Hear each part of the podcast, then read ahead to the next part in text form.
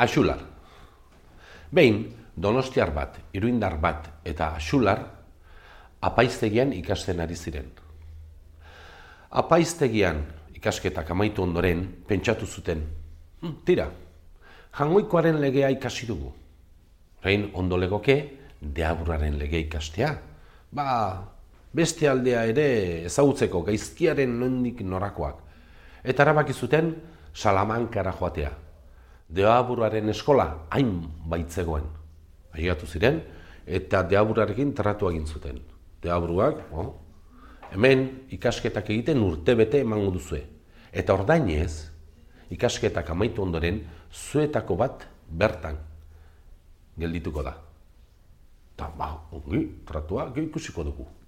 Talasi urtea eman zuten, deaburaren legea ikasi, eta deaburuak orduan esan ziren. Bueno, orain, erabaki beharko duzue, zuetako nor geldituko da nirekin.